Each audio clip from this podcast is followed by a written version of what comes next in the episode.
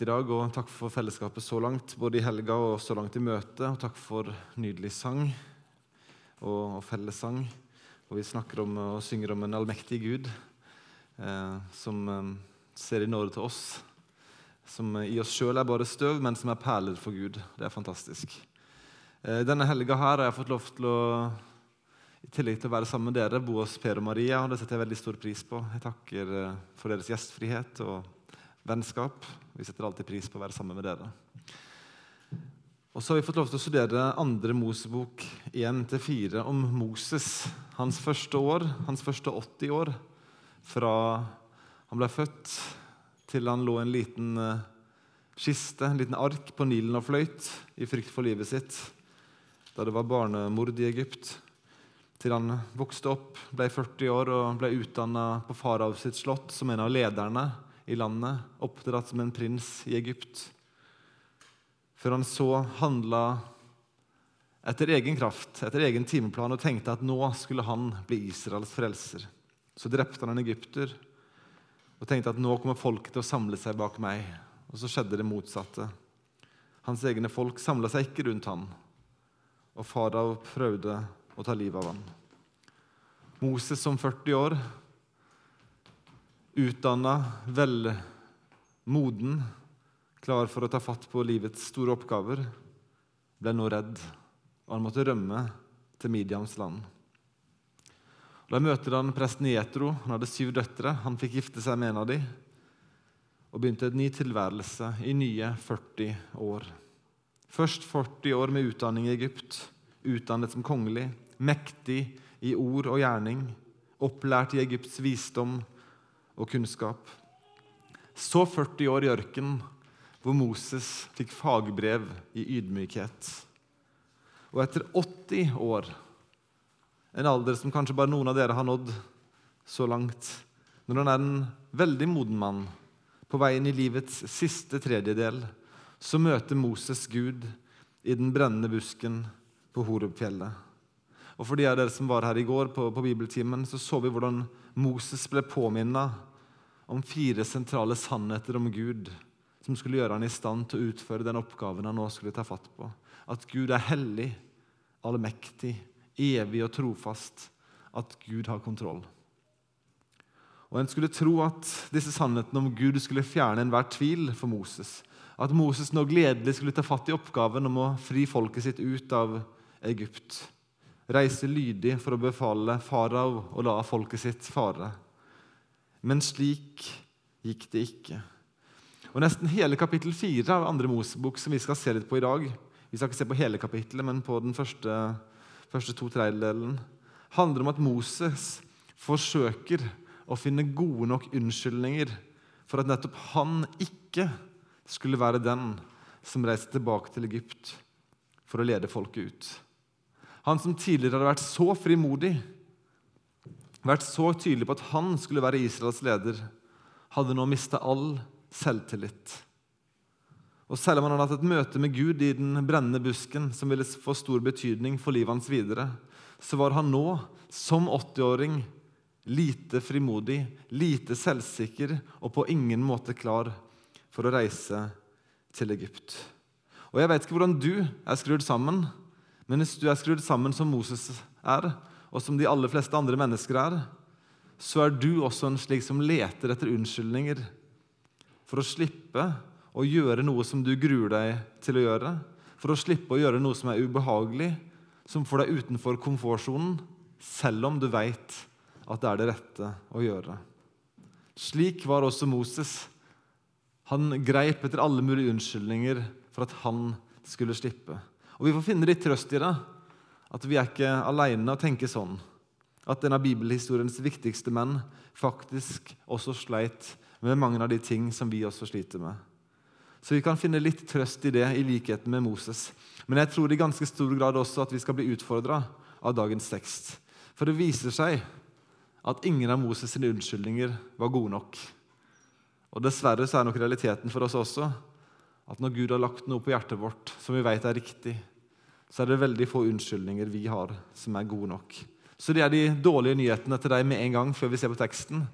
At uansett hva unnskyldninger du måtte ha for å ikke gjøre noe du vet at du burde gjøre, de er nok ikke gode nok. Men de gode nyhetene er selvfølgelig at Gud er mektig og sterk til å hjelpe deg ut av komfortsonen og beskytte deg når du er der ute hvor det er vanskelig å være. La oss be sammen. Gode himmelske Far, vi takker deg for historien om Moses og den ærlige framstillingen av hans sitt liv. Hvordan han eh, levde, hvordan han feila, eh, og hvordan han etter hvert lærte å stole på deg. Men det tok lang tid. Og du ser oss, kjære far, vi er på ingen måte bedre på noen som helst måte. Og vi har feila på alle våre måter, og vi har eh, vært feige og redde. Og vi har funnet på unnskyldninger for at ikke vi skulle gjøre ting som vi vet vi burde gjøre. Og vi har ikke stolt på deg som vi burde. Nå ber jeg om at du må si nåde til oss på nytt, som, du, som vi vet at du gjør. Og at du må utruste oss alle, unge og gamle, kvinner og menn, barn og voksne, til å tørre å gå i tro og gjøre de ting du har satt foran oss. Hjelp oss til å gå i de ferdiglagte gjerninger du vil at hver enkelt av oss skal gå. Og Vi ber om at denne gjennomgangen av, av Moses' sine unnskyldninger kan hjelpe oss til å tørre og ikke klamre oss fast til våre unnskyldninger, men hjelpe oss til å gå i tro. Og Vi ber om at du velsigner stunden videre for oss i Jesu navn.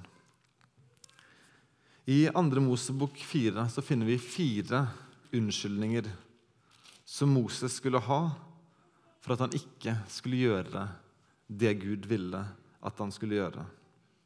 Fire unnskyldninger. Og grunn nummer én for at Moses ikke ville gå til Egypt, er den unnskyldningen han gir i kapittel 4, vers 1. Dette kommer altså i kjølvannet til det vi studerte i går, i kapittel 3, hvor Gud forteller hvem han er, og Gud gir Moses sitt oppdrag.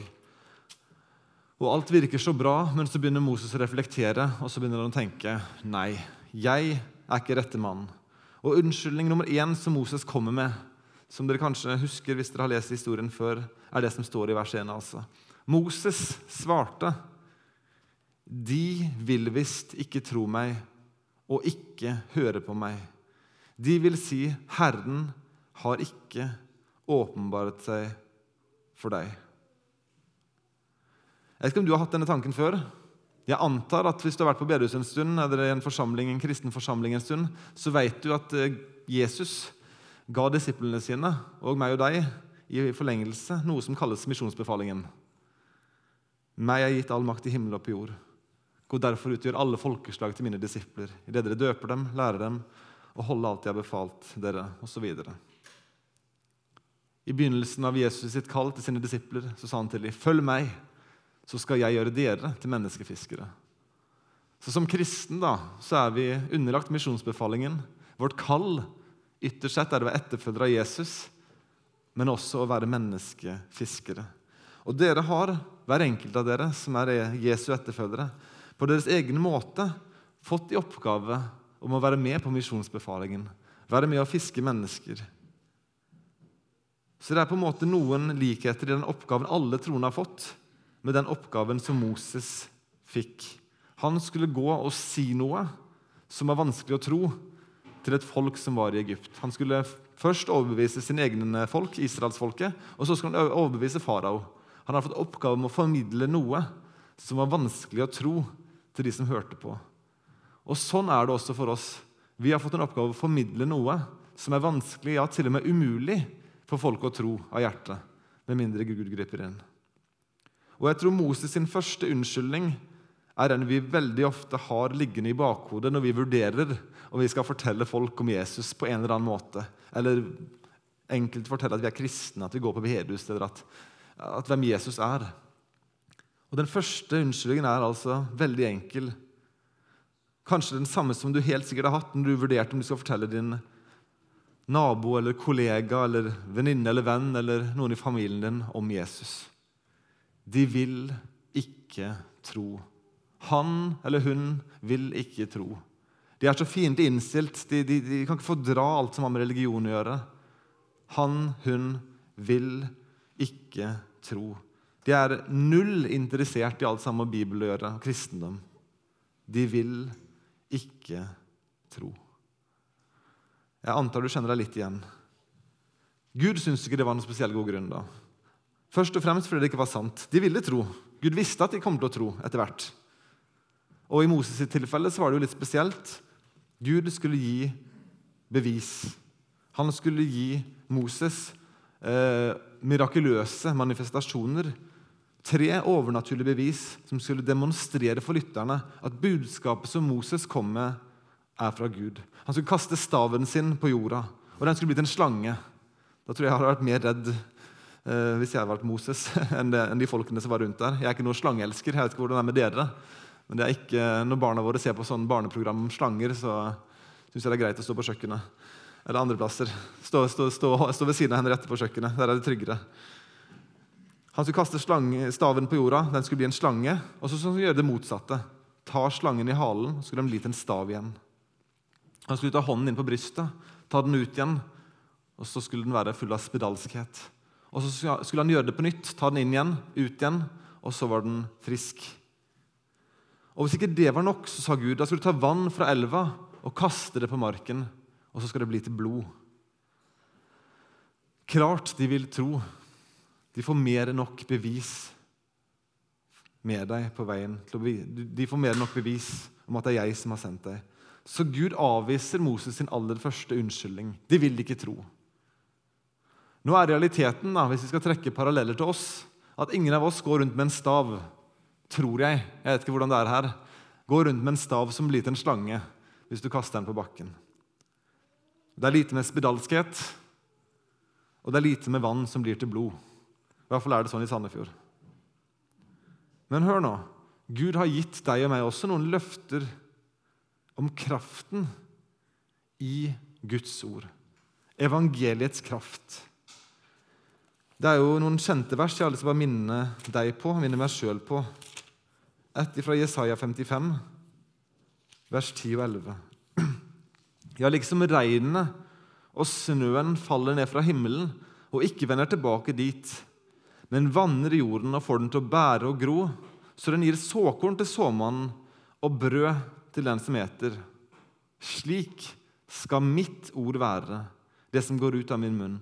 Det skal ikke vende tomt tilbake til meg, men det skal gjøre det jeg vil, og ha fremgang med alt som jeg sender det til. Det er et løfte om kraften i Guds ord, uavhengig av hvor lite eller hvor, begav, hvor, lite, eller hvor sterkt begava du er i å formidle det. Hvis du formidler sannhet fra Guds ord, så er det løfte om at det er kraft i Guds ord. Det skal utrette sin gjerning. Så er det disse versene fra Hebrebrevet 4,12. Guds ord er levende, det er virksomt, det er skarpere enn noe tvega sverd. Det trenger helt gjennom til det kløver sjel og ånd, ledd og marg, og dømmer hjertets tanker og råd. Og I Feserne 6,14 skriver Paulus ta frelsens hjelm og åndens sverd, det eneste våpenet vi troende har blitt gitt til å slå tilbake på, og til å kunne utfordre åndens sverd, som er Guds ord. Dette er løfter jeg minner meg sjøl om hver gang jeg taler en av de versene her, eller flere av de. At når jeg står foran en forsamling og snakker til, til, en gruppe som kommer her, som dere, som sikkert har tusen ting dere tenker på, og, og, som tenker på middagen etterpå, som står og koker og skal i bursdager og på kamp og cup og kjøre og hente osv. At det som skjer her, kan påvirke noe på innsida. Det kan være med å skape fornyelse, kanskje skape tro. Ikke fordi jeg er en begava mann, på noen selvs måte, men fordi Gud har gitt løfter om det som står i denne boka. her. At det er levende, det er virksomt, og det vender ikke tomt tilbake. Og Sånn er det jo uansett da, om du står på en talestol foran en forsamling, eller om en forteller sannheten i denne boka her til en person eh, muntlig, sender en melding, om en snakker med noen på telefonen. Hvis det er Guds ord som blir formidla, uavhengig av hvem avsenderen er og mottakeren er, så er det løfter om at ordet skal utføre sin gjerning. Det er like sant for deg, selv om du har vanskelig for å tale, selv om du ikke har frimodighet, selv om du er ordknapp og sliter med å formulere deg. Hvis du formidler noe som er sant om Jesus, om det er i lunsjen eller over en kopp kaffe til en nabo, så skal ordet utføre sin gjerning. Ordet er levende. Det er virksomt. Gud har gitt deg og meg løfter hvis vi tør å gå ut av komfortsonen og videreformidle det. De vil ikke tro, sa Moses. Og Det har nok Meirei sagt ofte, ofte også. Det er ikke vits. Han, hun vil visst ikke tro. Men ordet er levende. Det er virksomt. Gud ga Moses løfter, og Gud har gitt oss løfter. Løfter om ordet. Så kjære venn, la oss ikke holde på unnskyldninger som ikke er gyldige. La oss ikke holde fast på noe som ytterst sett ikke er sant. Vi kan ikke styre om de vil tro eller ikke. Kanskje responsen er at ikke de kommer til å tro, men ordet kommer til å virke og utføre sin gjerning. Og ordet kan skape frelse. Det kan skape tro når Gud virker gjennom det. Gud har gitt oss løfter om ordet. Unnskyldning nummer én som Moses kommer med, fokuserer altså på en svakhet hos mottakeren. De vil ikke tro. De vil ikke tro, og de vil ikke høre på meg. Og Når Gud avfeier den unnskyldningen, så kommer Moses med en ny innvending. Ja, Kanskje ikke det er mottakeren det er noe galt med, kanskje det er avsenderen. Moses sa til Herren, 'Hør meg, Herre. Jeg har aldri vært noen ordets mann, verken før eller nå, etter at du begynte å tale til en tjener.' 'Jeg er tung i mæle og tung i tale.' Nå sier jeg ikke Moses at 'de vil ikke tro'. Nå sier han 'jeg kan ikke snakke'. Han retter fokuset fra de, fra mottakeren, til avstenderen. Og Det tror jeg også vi gjør. Det er en sånn spor som vi ofte går på. Ja, kanskje de vil tro, da, men jeg kan ikke snakke, så det stopper opp med meg. Moses prøver å si det samme. Jeg har aldri vært noe ordets mann. Jeg kan ikke tale. Jeg er tung i tale, tung i mele. For det første så snakker jeg ikke Moses sant. Han hadde vært mektig i ord og gjerning 40 år tidligere. Det står det om han i apostelgjerningene 7. Han hadde fått en utdanning til å være leder i landet i Egypt. Klart Han kunne stå foran og lede en gruppe og formidle. Han kunne retorikk, logikk. Han kunne tale. Han hadde vært mektig i ord og gjerning. Det sier Bibelen klart og tydelig. Men han hadde nok mista mye av denne naturlige opplæringen han hadde fått i Egypt under 40 år i ørkenen. Han hadde kanskje ikke talt så mye der. Men han hadde tidligere evnet å tale velartikulert, og han forsto hvordan han skulle formidle. Han hadde kanskje blitt ganske rusten, men unnskyldningen var egentlig ikke god nok. Jeg er tung i mele og tung i tale. Jeg kan ikke snakke. Det er ikke opp til meg å fortelle andre om ditt budskap, Gud.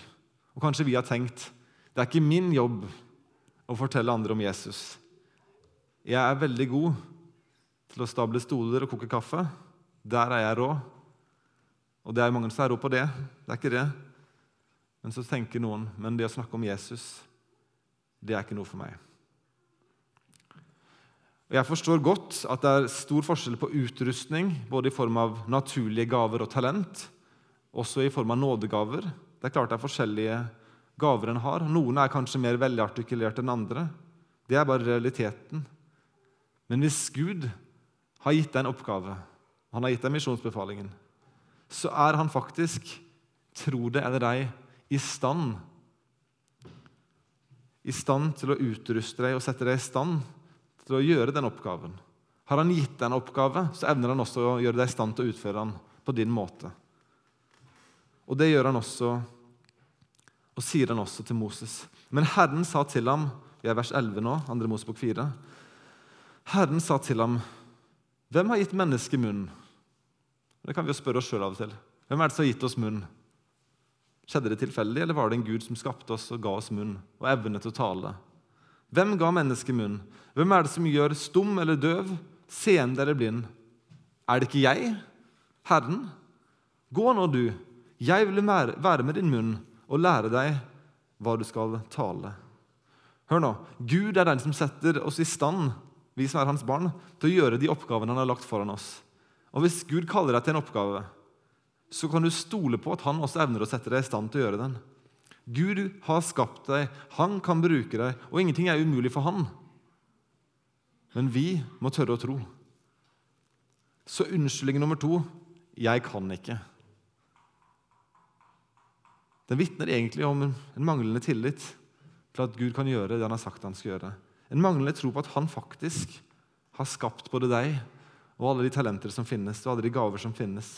At han har gitt deg munn, gitt deg evne til å tale, og at han også evner å hjelpe deg til å tale når det skulle være vanskelig. Jeg vil være med din munn og lære deg hva du skal tale. Jeg håper at du tør å, å ta den utfordringen til deg også, om det er noen du skal prate med. Jeg vet ikke, Det er, eh, det er ikke slik at alle er kalt til å tale på, på, samme måte i samme situasjoner, men alle av oss er, kalt til å være med å videreformidle evangeliets budskap til de vi er satt rundt. Gud hjelper deg. Jeg vil være med din munn og lære deg hva du skal tale. Så Moses' sin første unnskyldning var altså de vil ikke tro. Hans andre unnskyldning var jeg klarer det ikke. Og så har han en tredje unnskyldning, og den er ganske fin. Den er veldig fin. Bruk en annen. Vi kan eh, sangen 'Jesus, her er jeg, send Han'. Det er for ofte sånn vi lever livene våre, tror jeg. Jesus, her er jeg. Bruk en av alle de andre, bare ikke meg. Bruk han eller hun eller han eller hun. Jesus, her er jeg. Bare ikke bruk meg. Og det sier også Moses. Les med meg vers 13. Og Moses er ganske lite selektiv på hvem Gud skal bruke. det er ikke så viktig. Men han sa, 'Å Herre, send bud med hvem du ellers vil.' Om det er en av de syv døtrene til Jetro du skal sende, så send en av de. Om det er hvem som helst annen, bare send en eller annen, så lenge det ikke er meg. Jeg vet ikke om du kjenner deg igjen? Jeg. Bruk hvem du vil av alle andre, bare ikke det blir meg. Og Da står det faktisk om Gud at, at denne gangen ble, gans, ble, Herren sint. Herrens vrede ble opptent mot Moses. Uh, jeg tror ikke det er helt likt som at når vi mister tålmodigheten med våre barn. at det, liksom, det kokte over. Sånn var det ikke. Men, at, men hans vrede Guds vrede symboliserte noe med at Moses' sine unnskyldninger begynte å bli urimelige. Herrens vrede ble opptent mot Moses, og han sa, 'Har du ikke din bror Aron, levitten? Han kan tale, det vet jeg.' Og Nå kommer han også i møte, og når han ser deg, blir han glad. Og Du skal tale til ham og legge ordene i munnen på ham. Og så skal jeg være med din munn og med hans munn og lære dere hva dere skal gjøre. Han skal tale til folket for deg. Han skal være din munn, og du skal være som Gud for ham. Og Ta nå denne staven i hånden, og med den skal du gjøre tegnene. Og Det virker som at Herren nå gir klart signal til Moses at nå er samtalen på en måte over. Det er du, Moses, som skal gjøre den oppgaven. Men, men, han er så nådig mot Moses, for han skal få bruke Aron, sin bror, som formidler. Han skal få være mikrofonen din. Du skal få på en måte viske i øret hans, og så skal han kommunisere det videre. Men du skal være en del av prosessen. Du skal være der, og du skal tale. Du skal være involvert. Du får ikke lov til å melde deg ut. Hør nå. Gud vil ikke bruke hvem som helst andre. Han vil bruke deg. Han vil bruke deg på din måte. Og ja, vi kan be Gud om å tilrettelegge for våre svakheter, slik at vi kan få hjelp av andre på de områder hvor vi syns det er ekstra vanskelig. Men han vil bruke oss, han vil bruke deg, og ikke hvem som helst andre. Første unnskyldning de vil ikke tro. Andre unnskyldning jeg klarer det ikke. Tredje unnskyldning bruk en annen. Og Alle disse tre unnskyldningene er egentlig, egentlig indikasjoner på en fjerde unnskyldning som virkelig var det store problemet for Moses. Det store problemet han hadde. Og Den fjerde unnskyldningen hans var 'Jeg er redd'. Moses sier ikke det sjøl, men det var det som var realiteten. De vil ikke tro, jeg klarer det ikke. Det er andre som er bedre enn meg til oppgaven. Det underliggende problemet hans var jeg er redd. Jeg er redd. Husker du hvorfor Moses reiste fra Egypt? Hvorfor han rømte i første omgang? Det står i 2. Mosebok 2, 14 og 15 der han etter at Moses adresserer disse hebreerne som slåss, og så ber han de stoppe. Så svarer denne ene mannen, 'Hvem har satt deg til høvding og dommer over oss?' 'Tenker du å slå meg i hjel, slik som du slo egypteren i hjel?' Og så står det, 'Da ble Moses redd.' Og så sa han, 'Sannelig, saken er blitt kjent.' Og så fikk farao høre om det, og så prøvde han å få drept Moses.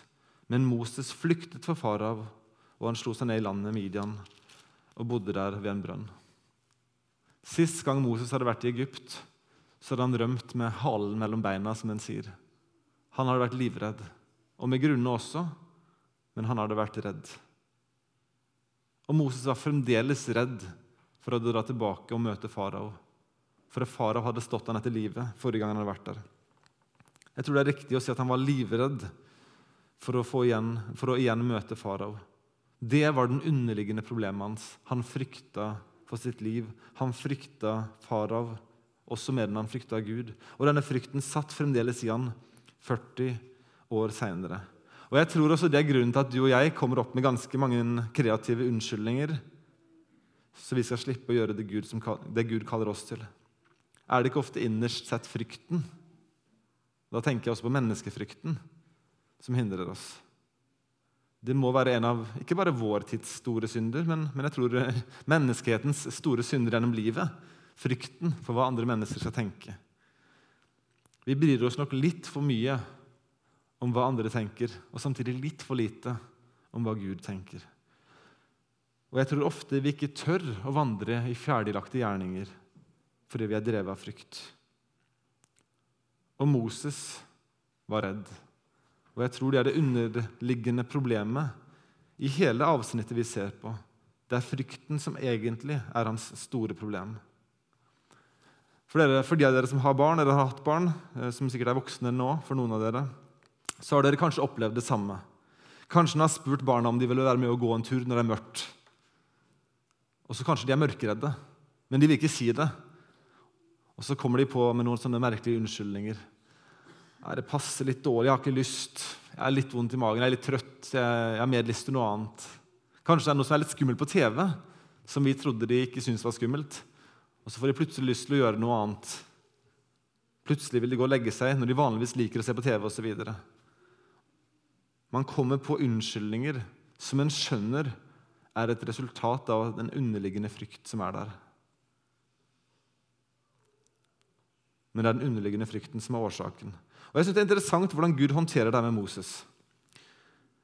For etter at Moses hadde kommet med sine tre unnskyldninger, som Gud hadde besvart, så er faktisk Moses lydig og går. Det står i vers 18. Så gikk Moses, og da han kom tilbake til Jetro sin svigerfar, sa han til ham, La meg nå få dra tilbake til mine brødre i Egypt og se om de ennå er i live. Og Jetro, altså hans svigerfar, sa, Dra bort i fred. Moses har fatta sin beslutning. Han skal ikke rømme til et fremmed land, som Jonah gjorde, for å unnslippe Guds kall. Gud har besvart hans tre unnskyldninger og nå velger han, tross sin frykt, å gå i lydighet og tro. Beslutningen om å følge Guds befaling er tatt. Og Det er veldig viktig å merke seg i teksten. her. For hva er det da Gud sier til han i vers 19? Etter at Moses har beslutta at han tross sin frykt skal dra tilbake til Egypt. Hva er det Gud sier til han i vers 19? Herren sa til Moses i Midian.: Dra av sted og vend tilbake til Egypt. Nå er de døde, alle de som sto der til livet. Alle de som Moses fryktet, var døde. Gud visste det hele tida. Moses visste det ikke. Men Gud velger å ikke si det til Moses før Moses hadde valgt å gå i tro. Jeg syns det er ganske interessant. Det hadde på en måte gjort det mye lettere for Moses å si ja med en gang hvis Gud hadde fortalt ham alle de du er redd for, de er døde.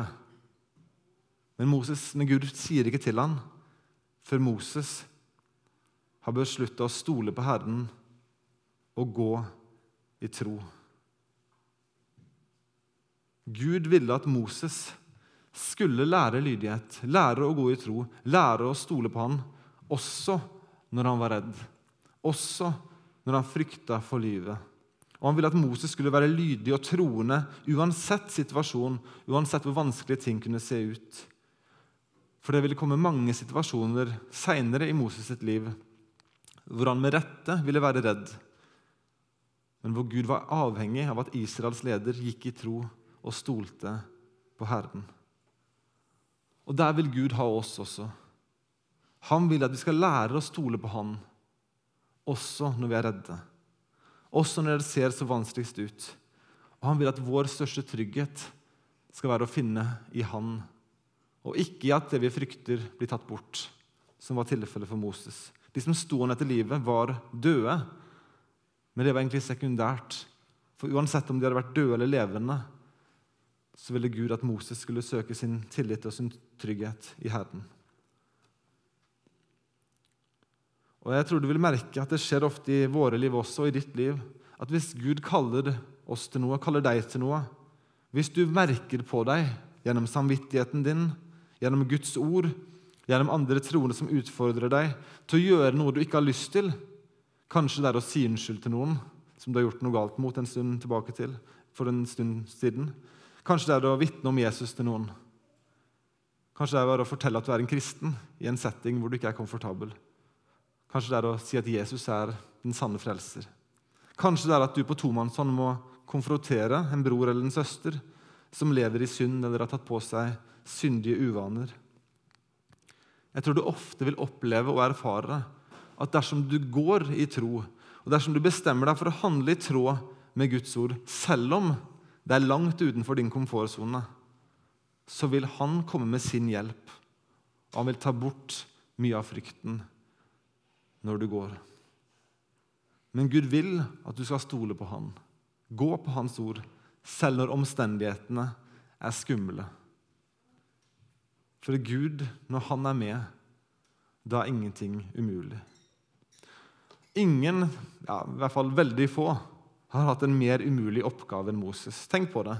Han skulle gå inn på slottet og etter hvert befale en av verdens mektigste menn om å slippe fri en folkemasse som utgjør en stor del av arbeidskraften han hadde. Han skulle gjøre tegn og under. Han skulle føre folket gjennom et hav. En helt umulig jobb. Hele Moses' sin gjerning i forbindelse med utfrielsen av Egypt var et stort mirakel. Han var 100% avhengig av å gå i tro, 100% avhengig av at Gud grep inn. Og Selv om ingen av oss er kalt til å dele havet i to, i hvert fall ikke sånn fysisk, tror jeg. Og ingen av oss er kalt til å lede et folkeslag ut av et fremmed land. Så er hver enkelt av oss kalt til å fra tid til annen bevege oss utenfor komfortsonen. Og den komfortsonen tror jeg blir mindre og mindre etter hvert som vi lever i en kultur som stadig og i økende grad er mindre og mindre kristen kulturelt sett. Gud vil at vi skal gå i tro. Stole på at Han er mektig og villig til også å bruke oss. Og Kanskje det er liksom refleksjonen vi skal ha mot avslutning. Vi skal spørre oss sjøl når var sist gang jeg gikk i tro og gjorde noe som jeg syntes var ubehagelig, men som jeg visste var rett? Når var sist gang du gikk ut av komfortsonen, selv om det, ville, kosta deg mye? Ville ikke det være trosstyrkende, litt annerledes, litt mer spennende, om vi var litt mer vågale? Om vi faktisk tok Jesu ord på alvor i litt større grad? Om vi gikk litt mer i tro? Så kan du si ja, men Gud talte ikke til meg gjennom den brennende tornebusken. Eller gjennom noen andre busker, for den slags skyld. Nei, men han har talt til deg gjennom sitt ord. Han har gitt misjonsbefalingen som er for alle. Og i tråd med Guds forsyn, Guds plan, så er vi alle plassert inn i unike situasjoner. Akkurat med den hensikt å være kristen der du er. Være Jesu etterfølger i din familie, i ditt nabolag. Om det er idrettsforeninger eller andre kulturforeninger. Om det er på jobb eller om det er i vennekrets. Du er, du er kalt til å være en Jesu etterfølger, som ikke bare søker å følge Jesu ord i hvordan du lever, men som også søker å forkynne budskapet om Jesus til alle. Og Jeg tror tiden er kommet da, for å være ærlig med seg sjøl. Og det her vet jo du kun med deg sjøl. Men bærer du på en byrde om at du egentlig burde fortalt noen om Jesus? Eller sagt noe om hvem Jesus er til noen? Eller bærer du på en byrde om at du egentlig burde advart en, en troende bror eller søster om at, om at nå er det skjedd ting i livsstilen som er, som er syndige, som har begynt å føre de vekk fra Jesus? Og Hvis dette gjelder deg, hvis du bærer på en byrde om at det er noen du burde snakka med, men du har ikke gjort det ennå, så er dagens budskap fra Gud til Moses og videre til oss gå i tro. Erkjenn til Gud at du er redd, men at du er villig til å gjøre det han kaller deg til. Tør å leve som en kristen. Tør å gå i tro. Og For de av dere som sitter der og tenker nei, jeg har egentlig ikke noen som helst følelse av at jeg burde snakke med noen. Jeg har det bra som det er, og alle de rundt meg har det bra som det er. Det er ingen som akkurat nå trenger at jeg forteller dem om Jesus. Det er ingen som jeg nå kjenner, som lever på avstand fra Gud, og som jeg burde oppmuntre eller kanskje til og med advare. advare. Hvis du har det sånn, så lurer jeg litt på hvilken planet du bor på. Eller hvilken boble du bor i. Hvor det ikke er noen ufrelste, og hvor det ikke er noen som sliter med det ene eller det andre, som trenger hjelp fra deg. Hvis det er boblen du lever i, en boble hvor alt er vel, det er ingen som tynges av synd, det er ingen som er på vei mot fortapelsen Ja, Hvis det er boblen du lever i, så er det på høy tid å komme seg ut av den. Å komme seg ut av komfortsonen. Og da er den bønnen du skal be, først og fremst til Herren er Herre, gi meg øynene til å se mennesker slik du ser dem. Hjelp meg til å se mennesker som Jesus så dem med omsorg, med barmhjertighet, med kjærlighet. Vis meg hvilke mennesker i mitt liv som jeg kan bli brukt til for å tjene, til å elske, oppmuntre, vitne til, kanskje til og med advare. Herre, gi meg øynene til å se. Og er det ingen sånne i livet ditt, så må du be Gud om å føre noen sånne inn i livet ditt. Det er ferdiglagte gjerninger plassert foran deg av Herren og i Kristus er du en ny skapning, istandsatt til å gå i disse gjerningene. Måtte Gud, den hellige, den allmektige, den evige og trofaste, den Gud som har kontroll overalt. måtte Han hjelpe oss alle, og meg selv inkludert, hjelpe oss til å gå i tro som Moses. Så vi også kan ha for betydning for en menneskeslekt, for medmennesker som er håpløse uten ham. La oss be sammen.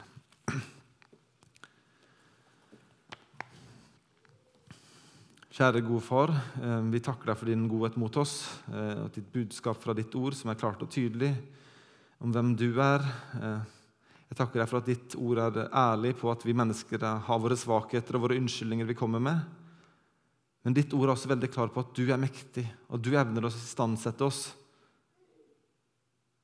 til å komme ut av vår komfortsone og være med å bringe et budskap om Jesus. Et budskap om nåde, et budskap om håp, tilgivelse. Og Jeg ber for hver enkelt som er her nå, at du må skape en indre uro i oss.